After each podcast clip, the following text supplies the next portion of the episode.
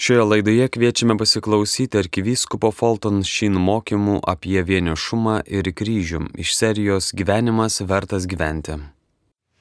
Friends, in a certain city, a politician was running for office. Draugai, viename mieste politikas kandidatavo į valdžią ir paskelbė, kad ieško savanorių pagalbininkų. Savanorių darbui atsirado tiek daug jaunų moterų, kad vos nekilo riaušės.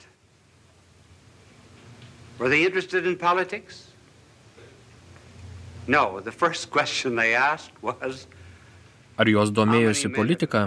Ne. Pirmas klausimas, kurį jos uždavė, buvo, kiek atsirado vyrų. Jos buvo dalis vienišų jaunų šio didžiulio miesto moterų. Ir dar žinau vieną seną moterį, kuri kiekvieną naktį iki 12 valandos nemiega, kad išgirstų, kaip diktorius sako, dabar mes baigiame, labos nakties ir gero miego. Tai ją išlaisvina nuo vienatvės. Ir buvo viena moteris, kuri man parašė ir pasakė, kad mano programa buvo vienintelė, kurios klausėsi jos katė.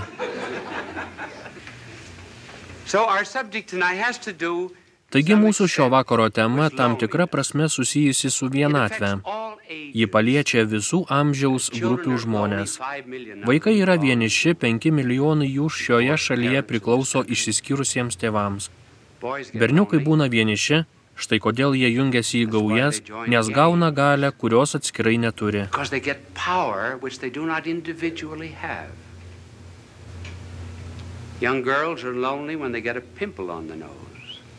Jaunos mergaitės būna vienišos, kai joms ant nosies iškyla spuogas. Vyresnės mergaitės dar vienišesnės, kai berniukas elgesi su jomis kaip su vienkartiniu puodeliu, o išgėręs išmeta. Tada jos supranta, kad yra tik pakeičiama detalė didžiojoje erotinėje mašinoje. Jų vienatvė didėja. Tuomet vienatvė apima vadovavimą, buvimą visuomenės viršūnėje. Yra vienatvė būti apačioje, visuomenės apačioje, nes esi tik vienas iš masės, imi prarasti savo asmenybę. the top man on the totem pole. There's the loneliness at being the bottom, at the bottom of the totem pole, because you're just one of the masses. You're apt to lose your personality. The loneliness sometimes of, of marriage. Kartais vienatvė būna santuokoje, kai visi juokeliai jau išsakyti. Nebėra naujo įvykio, apie kurį galėtum papasakoti, ir tai baisi vienatvė, kai esate vieniši kartu. Ir net tada, kai santuoka išlieka graži, kilni ir turtinga, net didžiausios vienybės akimirkomis po tokios ekstazės lieka dalė. Žmogus tikisi visiškai pasinerti į save ir vis dėlto vėl atsiduria atgal.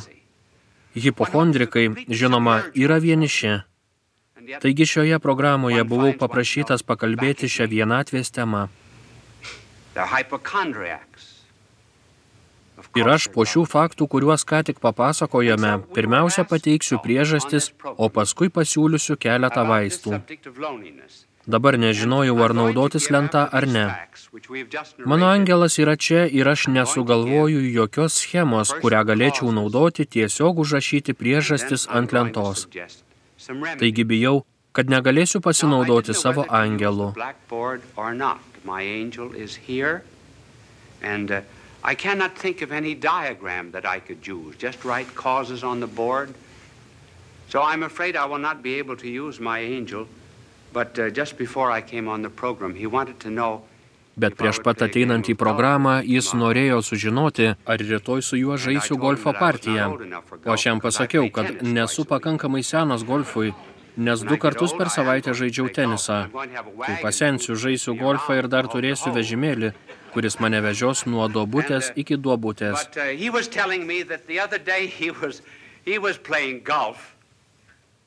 Bet jis man papasakojo, kad aną dieną žaidė golfą ir atmušė 205 metrus.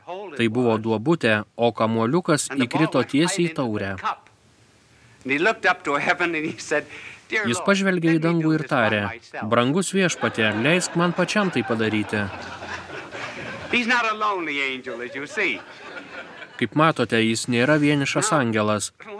Dabar kokios yra vienatvės priežastys? Na viena iš vienatvės priežasčių pirmiausia susijusi su pačiais vienišais žmonėmis. O kita priežastis, dėl kurios jie yra vieniši, yra ta, kad jie yra vieniši dėl žmonių, kurie nėra vieniši. Pirmiausia, dėl pačių vienišių. Jie per daug nori būti mylimi. Jie nori mylėti, būti mylimi. Dabar nėra nieko blogo norėti būti mylimam, nes mes visi esame Stradivarijaus smuikeliai be strykų. Nenorėjau to kalambūro. Mes esame vienas iš sunkumų kylančių iš neparengtos, nesuvaidintos piesės. Ir mes esame puodeliai be lėkščių. Mus reikia pagirti. Tačiau gili vienatvė, apie kurią kalbame, kyla iš pernelyg didelio noro būti mylimiems.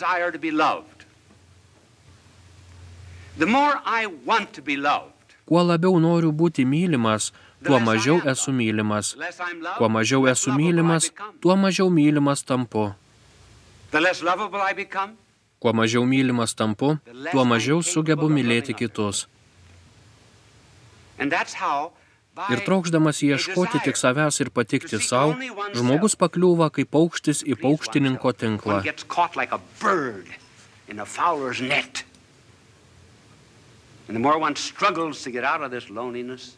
Ir kuo labiau žmogus tengiasi išsivaduoti iš šios vienatvės, tuo labiau yra jos pagaunamas. Štai keletas konkrečių šio troškimo būti mylimam pavyzdžių. Žinau vieną motiną, kurios dukra buvo išvykusi į koledžą o ji kas vakarą skambindavo dukrai, laikydama dukrą prie telefono valandą ir priekaištaudavo dukrai, kad ji nėra vertinama taip, kaip turėtų būti.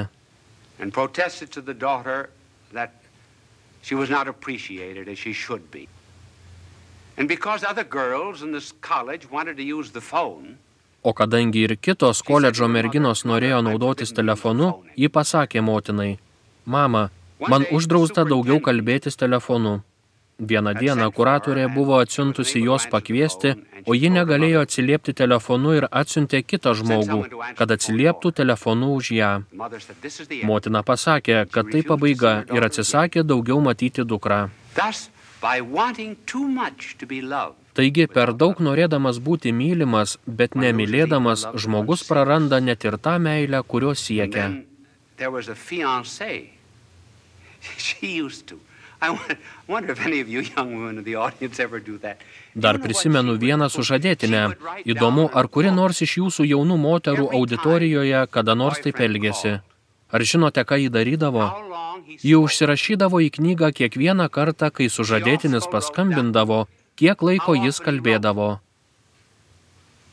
And how many words he wrote in each letter. Ji taip pat užsirašydavo, kaip dažnai jis rašydavo ir kiek žodžių parašydavo kiekviename laiške.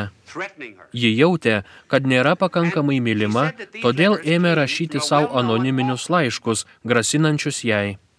Ji visiems pasakojo, kad šiuos laiškus rašė žinomas rašytojas ir galiausiai šis vyras, kurį ji kaltino, ją demaskavo. Paskiausiai santuoka nutrūko. Ji tiesiog per daug mylėjo, mylėjo tam, kad būtų mylima. Dar buvo žmona, kuri jautė, kad vyras jai neskiria dėmesio, reikalavo, kad jis nesirodytų darbe. Ji norėjo eiti į pikniką, norėjo eiti į paplūdimį, o jis daugybę kartų rasdavo pasiteisinimų nuo darbo, kol galiausiai prarado darbą. Santuoka therefore, is this egotism Taigi viena iš pagrindinių vienatvės priežasčių yra tas egoizmas, kuris ieško tik savęs.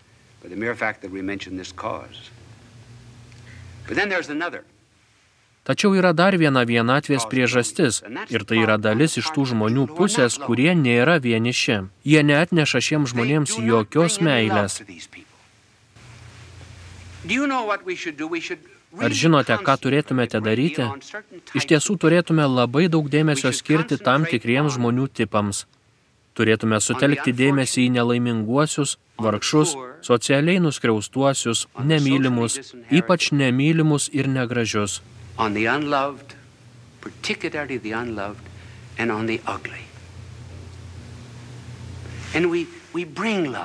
Ir neškime jiems meilę. Mes į juos įdedame meilę. Tada jie tampa mylimi. Pavyzdžiui, jūs esate labai Dievo mylimi. Sakote, na kągi manyje galima mylėti? Nieko. Bet jis įdėjo į jūs savo meilę. Štai kodėl jūs esate mylimas. Štai ką turime daryti su kitais žmonėmis. Taigi šių žmonių vienatvė didėja dar ir dėl to, kad likusieji jų neklauso. Klausimasis yra terapinė priemonė. Vienas psichologas suformulavo santokos bylą, kurioje buvo seksualinių, finansinių, socialinių ir teisinių komplikacijų. Jis nuėjo pas šimtą dvasininkų ir šimtą kunigų, kad pristatytų šią istoriją ir su savimi nešėsi chronometrą. Ar žinote, kiek laiko jie klausėsi? Vidutiniškai dvi su pusė minutės. O tada sekė iš piršto lauštas atsakymas. Jie atsisakė klausytis. Jie atsisakė domėtis.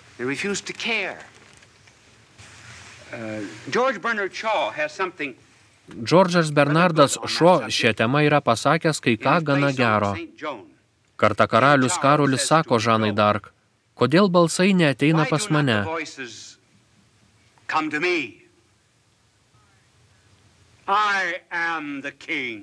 Aš esu karalius.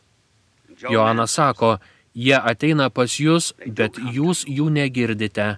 Jūs nesėdėjote vakare laukia ir nesiklausėte jų.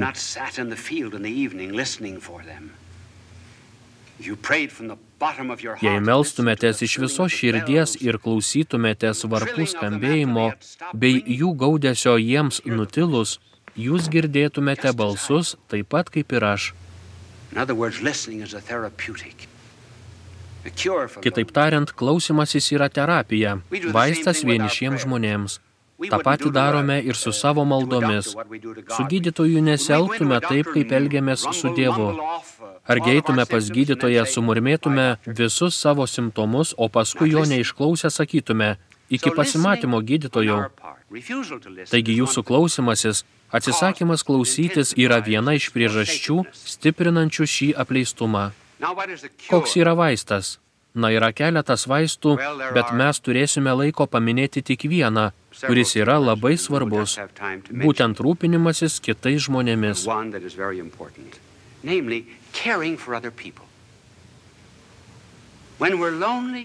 Kai esate vieniši, išeikite ir tarnaukite. Tada vienatvė tarsi išbirės pro mūsų pirštus, atsivers mūsų širdis. Kinai turi patarlę Jei esi be batų, išeik ir surask žmogų nesirūpinantį kitais.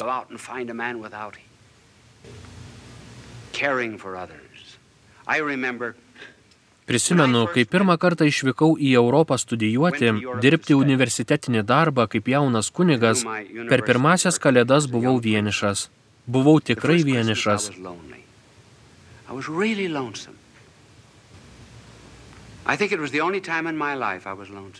Manau, kad tai buvo vienintelis kartas mano gyvenime, kai buvau vienišas. Ką turėčiau daryti? Taigi nuėjau pas kažką į Liuveno miestą ir paprašiau tikrų vargšų sąrašo ir nuėjau į šią konkrečią alėją. Tiesą sakant, tai buvo klaidingas adresas. Patekau į Žiūrkių alėją. Kai atsidarė duris, ten ant molinių grindų buvo aklas tėvas prie krosnies. Dešimt vaikų basomis kojomis aplink krosnį, kopečios vedančios į antrą aukštą. Viena lova viršuje, lova apačioje. Vaikai miegojo kryžmai. Paklausiau šeimos, ką jie turi. Tai buvo kalėdų išvakarės, ką jie valgė vakarieniai. Jie atidarė šiaudų maišelį. Vaikai neturėjo net medinių klumpių.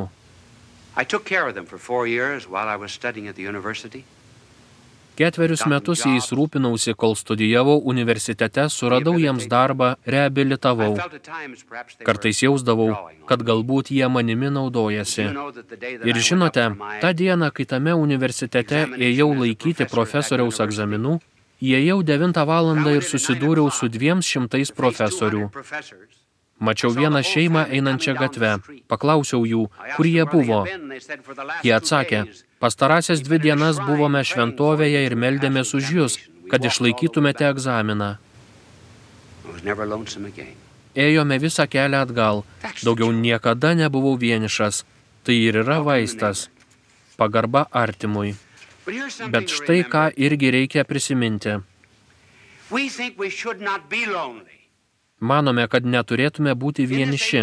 Šiame psichiatrijos amžiuje mūsų pasaulis padarė dvi ar tris išvadas, kurios yra klaidingos.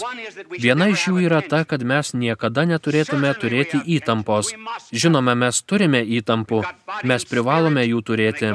Turime kūną ir dvasę, o jie eina priešingomis kryptimis. Certain tensions are normal. If we didn't have them, we would be abnormal. Jie turi du skirtingus tikslus. Tam tikros įtampos yra normalios. Jei jų neturėtume, būtume nenormalūs. O tada būtume vieniši. Žinoma, yra metafizinė vienatvė. Tobulybės čia nėra. Tai nėra mūsų namai. Mano širdyje yra kažkas, ko trokštų, tačiau ko niekas šioje žemėje negali patenkinti ir tavęs taip pat niekas negali patenkinti. Ir mes tai puikiai žinome. What's the cause of this loneliness? Taigi kas tai yra? Kokia šios vienatvės priežastis? Ko mes ieškome? Na, mes sakome, kad ieškome Dievo. Taip. Tada žinau, ką atsakysite. Ką Dievas žino apie vienatvę? Dabar tai geras klausimas. Geras klausimas. Ką jis žino apie vienatvę? Ar jis ką nors žino apie vienatvę, pavyzdžiui, kūdikio Afganistane, kuris neturi geresnių namų nei šiaudai?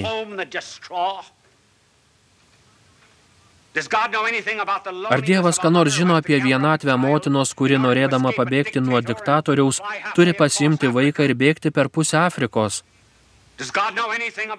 Ar Dievas žino apie vienatvę žmogaus gimusio netoje pusėje, kuris socialiai izoliuotas nuo žmonių vien todėl, kad jo rankos nušalusios nuo bendro darbo?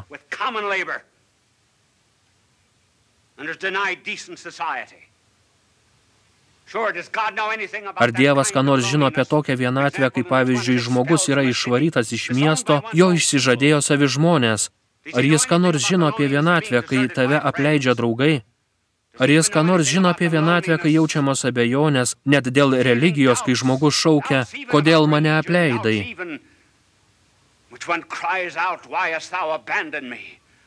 Ar Dievas ką nors žino apie šiuos dalykus? Taip, tai geri klausimai.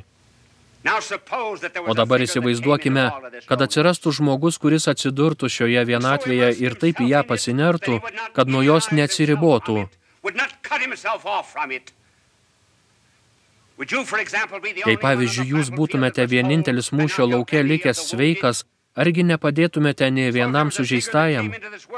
Ir taip, jei į šį mūsų pasaulį ateitų asmuo, kuris neatsisakytų izoliuotis nuo vienatvės ir taip pat ją pajustų, kad iš jo kūno pasipiltų kraujas, taip pajustų vienatvę, kad tarsi visi pasaulio plėšikavimai būtų įbrukti jam į rankas, tarsi jis pats būtų kaltas, taip pajustų to pasiekmes, kad jo kūnas kabotų ant jo kaip violetiniai skudurai.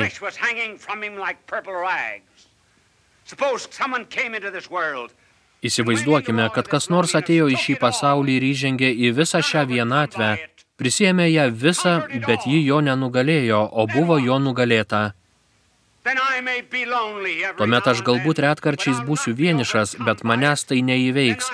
Tada turiu kapitoną, kuris tikrai paspaudė ne danguje esantį mygtuką, danguje įsakydamas, bet turiu kapitoną, kuris suklupo prie kryžiaus sosto.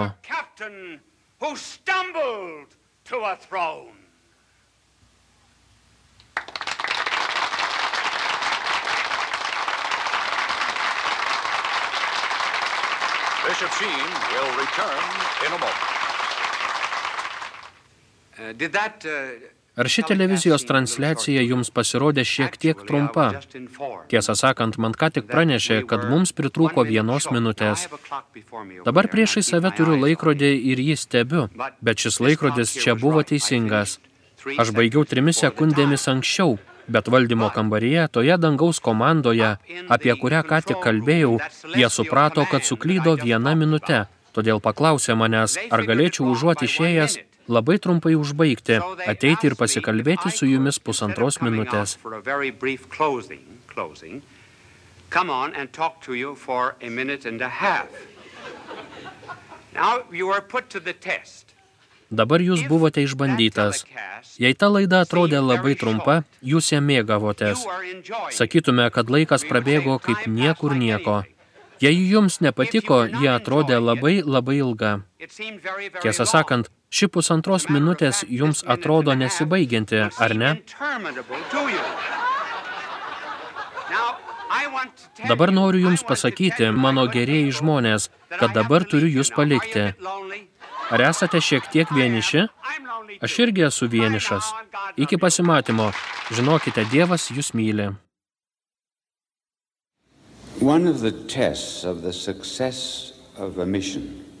Vienas iš misijos sėkmės išbandymų yra ne atėjusios minios, o tai, ar auditorijoje yra mažų vaikų. Ir vakar, ir šį rytą čia vėl buvo mažųjų išsibarščiusių aplink altorių. Ir tada vienas iš vaikų, įsivaizduokite, atsikėlė antrą valandą ryto ir iškepė man razinų pirago. Imagine, got up at 2 o'clock this morning and made for me some raisin bread. Didesnės meilės už šią ne viena moteris neturi, kad atsikėlusi antrą valandą ryto gamintų razinų duoną.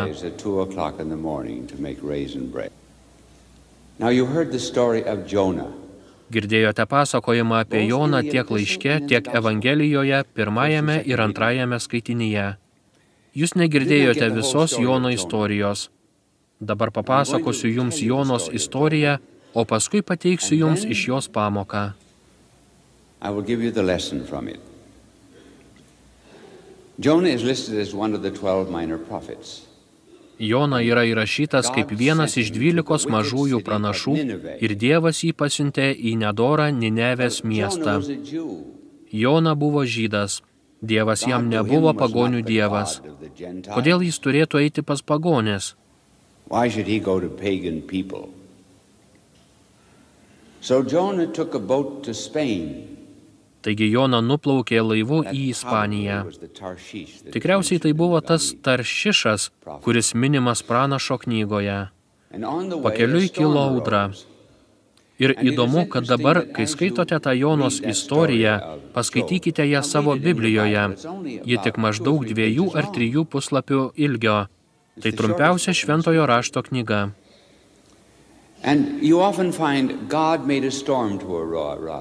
Ir dažnai randate, kad Dievas sukėlė audrą, kad Dievas pasiuntė į jūrą žuvį ir taip toliau. Ir Dievas pasirūpino, kad Jona būtų prarytas. Na, kilo audra, o jūreiviai didžiaja dalimi buvo pagonys jūreiviai ir gana prietaringi. Taigi jie traukė burtus. Galbūt jie gavo ilgų ir trumpų šiaudų.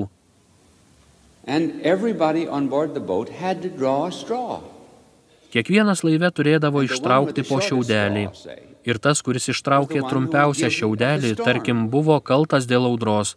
Na, Jonui atiteko trumpasis šiaudas ir jis pasakė taip. Jis sakė, Dievas liepė man eiti ir pamokslauti pagonims, bet aš atsisakiau ir aš esu šios audros priežastis. Atminkite, kad vieno nesėkmė gali būti daugelio nesėkmės priežastis, kaip ir vieno išgelbėjimas gali būti daugelio išgelbėjimo priežastis. Pavyzdžiui, Senajame testamente vienas vyras pavogė babiloniečių audinį ir dėl to Jozue pralaimėjo mūšį. Dievas pasakė, kad dėl to žmogaus tu pralaimėjai mūšį. Taigi Jona buvo įmestas į jūrą. Tada jį praryja didelė žuvis. Iš tikrųjų minimas ne banginis, bet kuriuo atveju didelė žuvis. Žinau vieną mokytoją, kuris po pasakojimo apie Joną klausė berniukų, kokią pamoką jūs gaunate iš pasakojimo apie Joną. Berniukas atsakė, aš gavau pamoką, jog nuo žmonių banginiams norisi vemti. So Jonah is swallowed by a big fish. Taigi Joną praryja didelė žuvis. Skaičiau paskaitą Kalifornijos universitete ir paskaitos pabaigoje man buvo užduoti klausimai ir vienas studentas paklausė, kaip Jona tris dienas buvo banginio pilve. Atsakiau, kad neturiu nemenkiausio supratimo. Bet kai pateksiu į dangų, paklausiu Jonos. Jis pasakė, tarkime, Jonos ten nėra. Pasakiau, kad tada tu jo paklausk ten, kur tu būsi. Taigi jūs turite Jonos maldą banginio pilve. Ir tada banginis jį išmeta į sausumą, o Dievas vėl duoda jam nurodymą. Eik ir skelbk atgailą Ninevės miestui. Dabar tai istorija, kuri jums buvo perskaityta kaip atgailos kelbimas ir karalius įsakė tai daryti. Tačiau labai įdomi Jonos istorijos dalis praleista. Jona norėjo, kad žmonės būtų sunaikinti. Matote, Dievas pasakė, aš juos sunaikinsiu, jei jie nedarys atgailos. Na, Jona bijojo, kad jie padarys atgailą, o tada jis bus apkaltintas esas netikras pranašas. Taigi Jona užlipo ant kalvos ir liko be priedangos. Jis užlipo ant kalvos, nuo kurios atsiveria vaizdas į Ninevės miestą ir saulė tiesiog nudegino jo pliką galvą. Ir ten pradėjo aukti mažas augalas, galbūt moliūgas su dideliu lapu ir jis uždengė Jonos galvą. Jam pasidarė ramu ir vėsu. Ir tada atšliaužė mažas kirminėlis ir pagraužė augalo šaknis, jis nuvyto. Ir tada Jona vėl pradėjo skęsti pyktyje. Ir Dievas jam tarė, Tu gailėsi moliūgo, dėl kurio nevargai ir kurio neauginai, jis per vieną naktį išdygo ir per vieną naktį pradingo. Argi neturėčiau aš gailėtis Ninevės, to didžiojo miesto, kuriame yra daugiau negu 120 tūkstančių žmonių, nemokančių atskirti savo kairės nuo savo dešinės ir daug galvijų.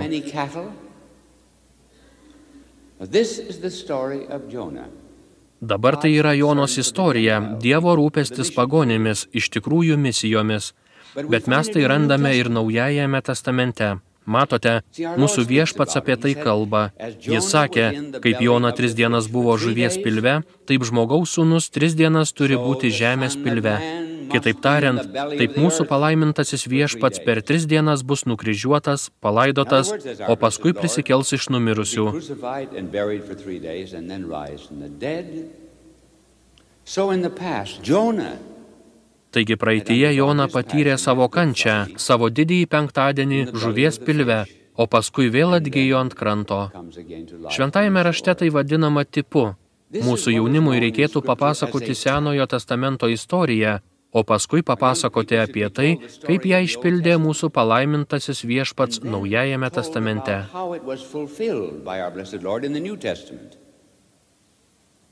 If you have two hours and a half, I'll give you an example of it. Jei turite dvi su pusę valandos, pateiksiu jums pavyzdį. Mūsų palaimintasis viešpats sakė Nikodemui, kaip Mozė dikumoje iškėlė gyvatę, taip žmogaus sunus turi būti iškeltas ant kryžiaus.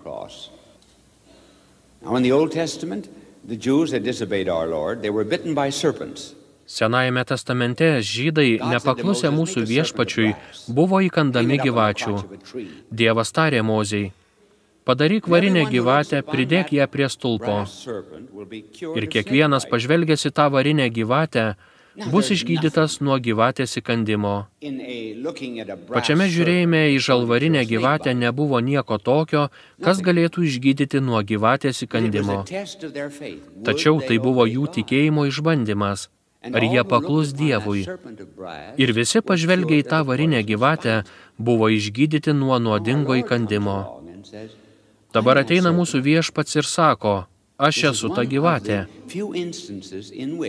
Tai vienas iš nedaugelio atvejų, kai tas pats žodis, kuris taikomas blogiui, taikomas gėriui. Ir ta gyvatė yra blogio simbolis, taikomas gėriui. Kitas yra liūtas, velnės yra reumojantis liūtas. Mūsų viešpats yra judo liūtas.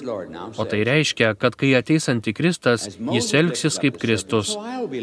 Taigi dabar mūsų palaimintasis viešpats sako, Kaip Mozė pakėlė gyvatę, taip ir aš būsiu pakeltas ant stulpo. Ir kaip ta varinė gyvatė atrodė kaip gyvatė, kuri įkando izraelitams, bet neturėjo nuodų, taip mūsų palaimintasis viešpats ant kryžiaus atrodys taip, tarsi būtų kaltas dėl nuodėmių, pilnas žmogiškosios kalties nuodų. Tačiau kaip varinė gyvatė neturėjo nuodų, taip ir mūsų viešpats neturėjo nuodėmės savyje. Tokie tapdavo ir visi, kurie į jį pažvelgdavo. Visada apie tai pagalvoju, kai tik praeinu pro švenčiausią į sakramentą. Turiu trijų kambarių butą, turiu miegamąjį. Paskui turiu tai, kas iš pradžių buvo nedidelis miegamasis, koplyčia su švenčiausiojų sakramentu. Tada turiu kabinetą ir mažytę virtuvėlę, kuri yra pakankamai didelė mano kulinariniams gabumams.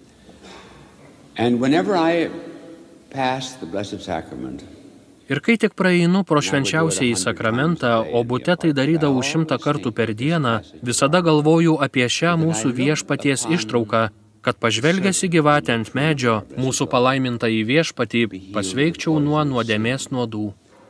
Šis Jėzaus pirmavaizdis Senajame testamente yra vadinamas tipu. Ir aš sakau, kad taip turėtų būti mokoma religijos, ypač šventojo rašto, nes Senajame testamente pilna tipų. Neturime laiko paminėti keletą kitų, bet tiesiog patikėkite mano žodžiu. Matote, šiandien mūsų viešpats šioje Evangelijoje sako, kad Jona yra pirmavaizdis. Jis yra mirties ir prisikėlimo pirmavaizdis. Jona jūroje, lyg mūsų viešpats kape. Jona išeina iš jūros žuvies kaip Kristus iš kapo. Tai Senojo testamento faktas ir. Naujojo testamento faktas. Dabar pamoka, kurios išvada tokia. Jei mūsų gyvenime nebus kryžiaus, niekada nebus ir prisikėlimo. Krikščioniškas gyvenimo dėsnis yra toks. Turime mirti, kad būtume išgydyti.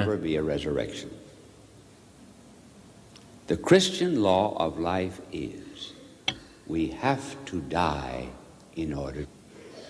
Now, I do not mean, and he did not mean physically dying, Dabar aš neturiu omenyje ir jis neturėjo omenyje fizinės mirties, jis turėjo omenyje apsimarinimą, savęs išsižadėjimą, kryžiaus pritaikymą mūsų gyvenime. Taigi, jei nemirsime savo, negalėsime gyventi su juo. Mums nepatinka kryžius mūsų gyvenime. Tiesą sakant, norėtume nuo jo pabėgti.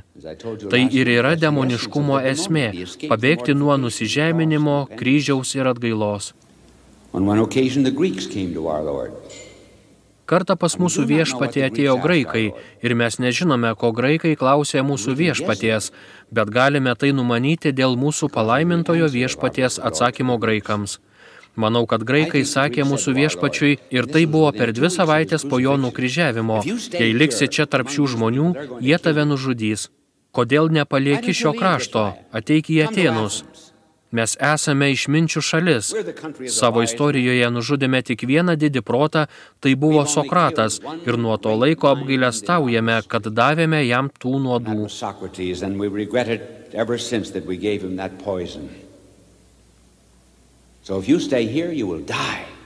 Taigi, jei liksi you will čia, mirsi.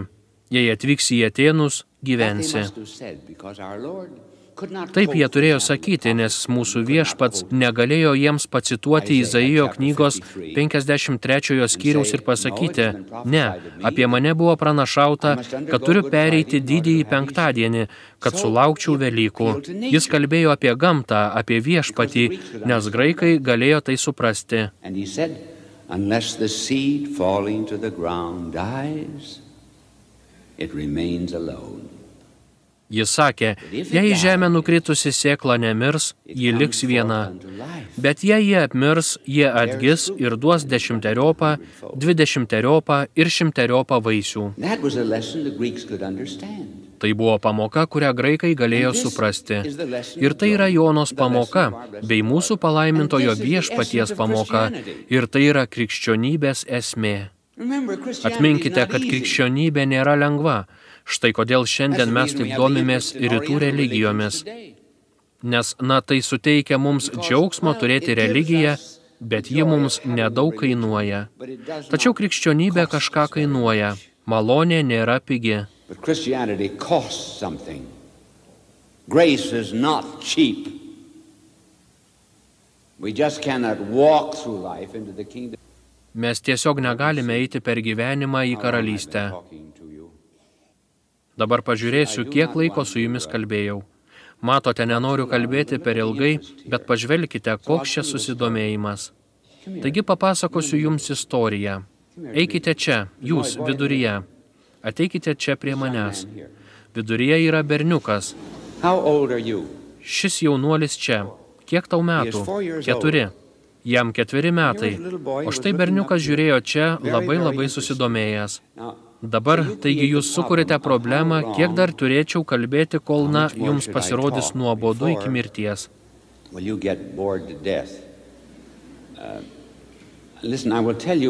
Klausykite, aš jums papasakosiu. Papasakosiu jums juokingą istoriją apie ilgai kalbančius žmonės. Taigi dabar grįžkite į savo vietą ir jos pasiklausykite. Kartą skaičiau paskaitą San Franciske, prieš mane kalbėjo vienas džentelmenas ir kai jis kalbėjo, jo žmona, kuris sėdėjo prie priekinio staliuko, padavė jam taurę vyno.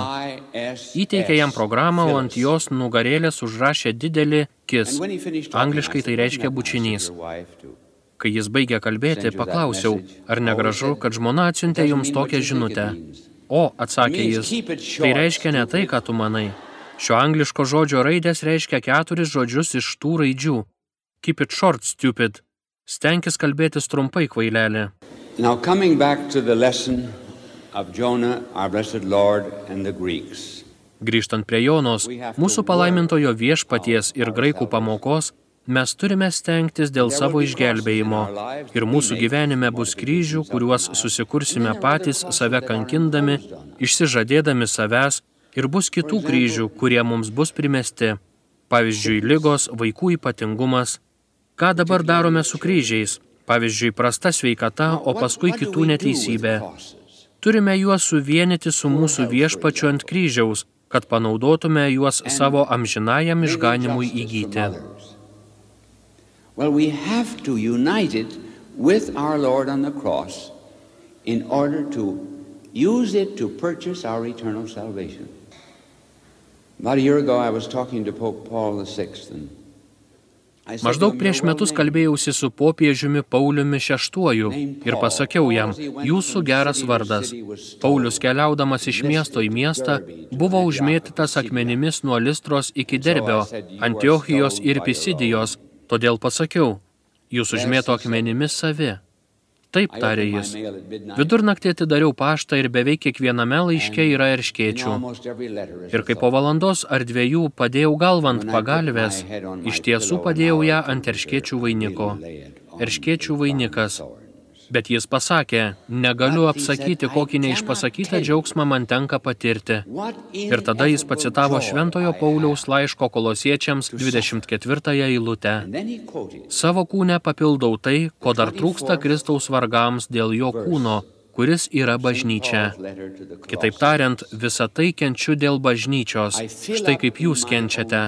Manau, kad didžioji šio pasaulio tragedija yra ta kančia, kuri nueina per niek. Žmonės kenčia ir neturi ką mylėti.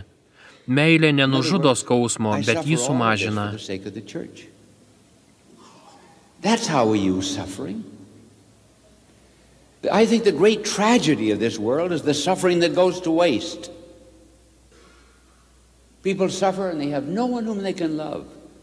Love does not kill pain, but it diminishes it. I was lecturing in a city in Florida about two years ago. Maždaug prieš dviejus metus skaičiau paskaitą viename Floridos mieste ir pamačiau, kad priešais sceną stovi keturi ar penki neįgaliųjų vežimėliai. Po paskaitos nušokau nuo scenos ir nuėjau pasikalbėti su žmonėmis vežimėliuose. Prie sienos stovėjo kažkas panašaus į graikų statulą, visa balta. Aš prieėjau prie jos ir pamačiau, kad tai buvo moteris su dirbtiniu kvėpavimo aparatu. Ji buvo apsisiautusi baltai, rankų nesimatė. Vienintelė jos kūno dalis, kurią ji galėjo judinti, buvo galva. Ji pasakė, aš esu jūsų atsivertelė. Aš pasakiau, niekada anksčiau jūsų nemačiau. Ji pasakė, tai įvyko man perskaičius kelias jūsų knygas. Ir aš pasakiau, ar jūs suprantate savo kryžių? Jie atsakė, taip, suprantu, aš kenčiu ne dėl savo sielos, aš kenčiu už kitas sielas, kad jas išgelbėčiau.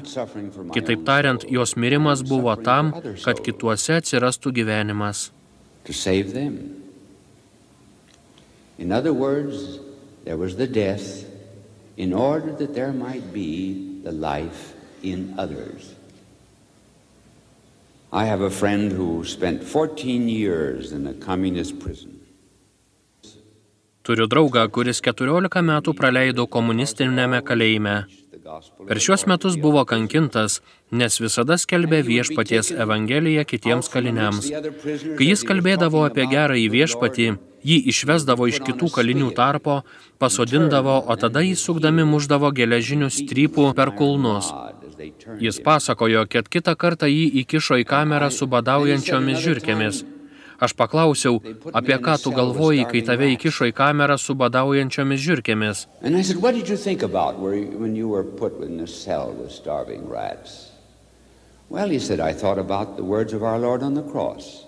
Na, jis atsakė, kad galvojau apie mūsų viešpaties žodžius ant kryžiaus.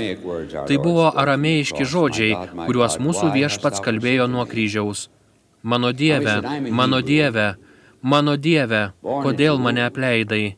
Dabar jis pasakė, aš esu žydas, todėl gerai suprantu šią kalbą. Jis sakė, kad šie žodžiai yra pasakyti būtuoju laiku.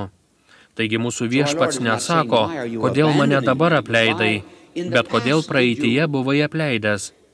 Taigi jis sakė, kad mūsų viešpats buvo apleistas dėl paties fakto, kad gimė. Jis buvo apleistas mūsų. Todėl pasakiau, mūsų viešpats turėjo laukti prisikėlimo džiaugsmo. Turėdamas prieš akis užsibrėžtą džiaugsmą, jis ištvėrė kryžių. Jis sakė, kad todėl mane, jog jo nukryžiavimas buvo jau praeitie, nes žinojo, kad atgims. Taigi jis sakė, štai kaip aš buvau su žiūrkėmis. Sakiau savo, aš pasitikiu viešpačiu, aš nesiuošiu čia pražūti. Aš esu jo rankose.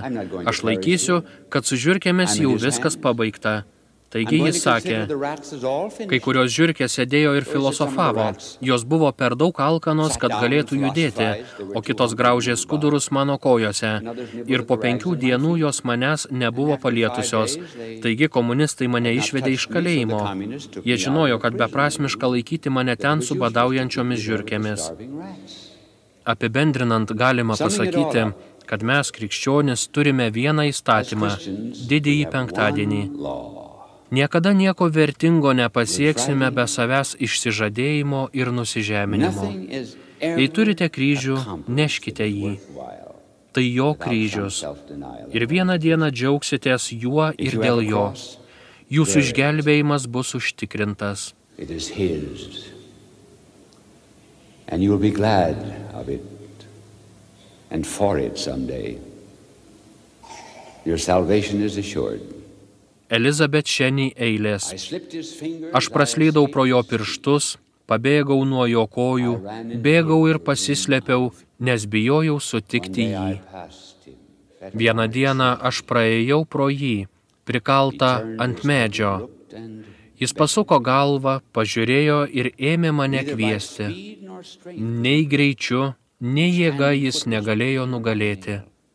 Kiekviena ranka ir koja buvo persmeigtos vinimi. Jis negalėtų bėgti ar apkabinti manęs, jei pabandytų, bet savo akimis prašė manęs pasukti į jo pusę. Dėl gailesčio, pagalvojau, aš tave išlaisvinsiu. Ne, laikyk šį kryžių, pasakė jis, ir sek paskui mane. Šis jungas yra švelnus, ši našta lengva. Nėra sunku ar liūdna, kai jį neši. Taip ir aš sekiau tą, kuris negalėjo pajudėti, nesugauta belaisvi meilės rankose. Laidoje klausėmės arkivyskupo Fulton Sheen mokymų apie vienišumą ir kryžių iš serijos Gyvenimas vertas gyventi. Likite su Marijos radiju.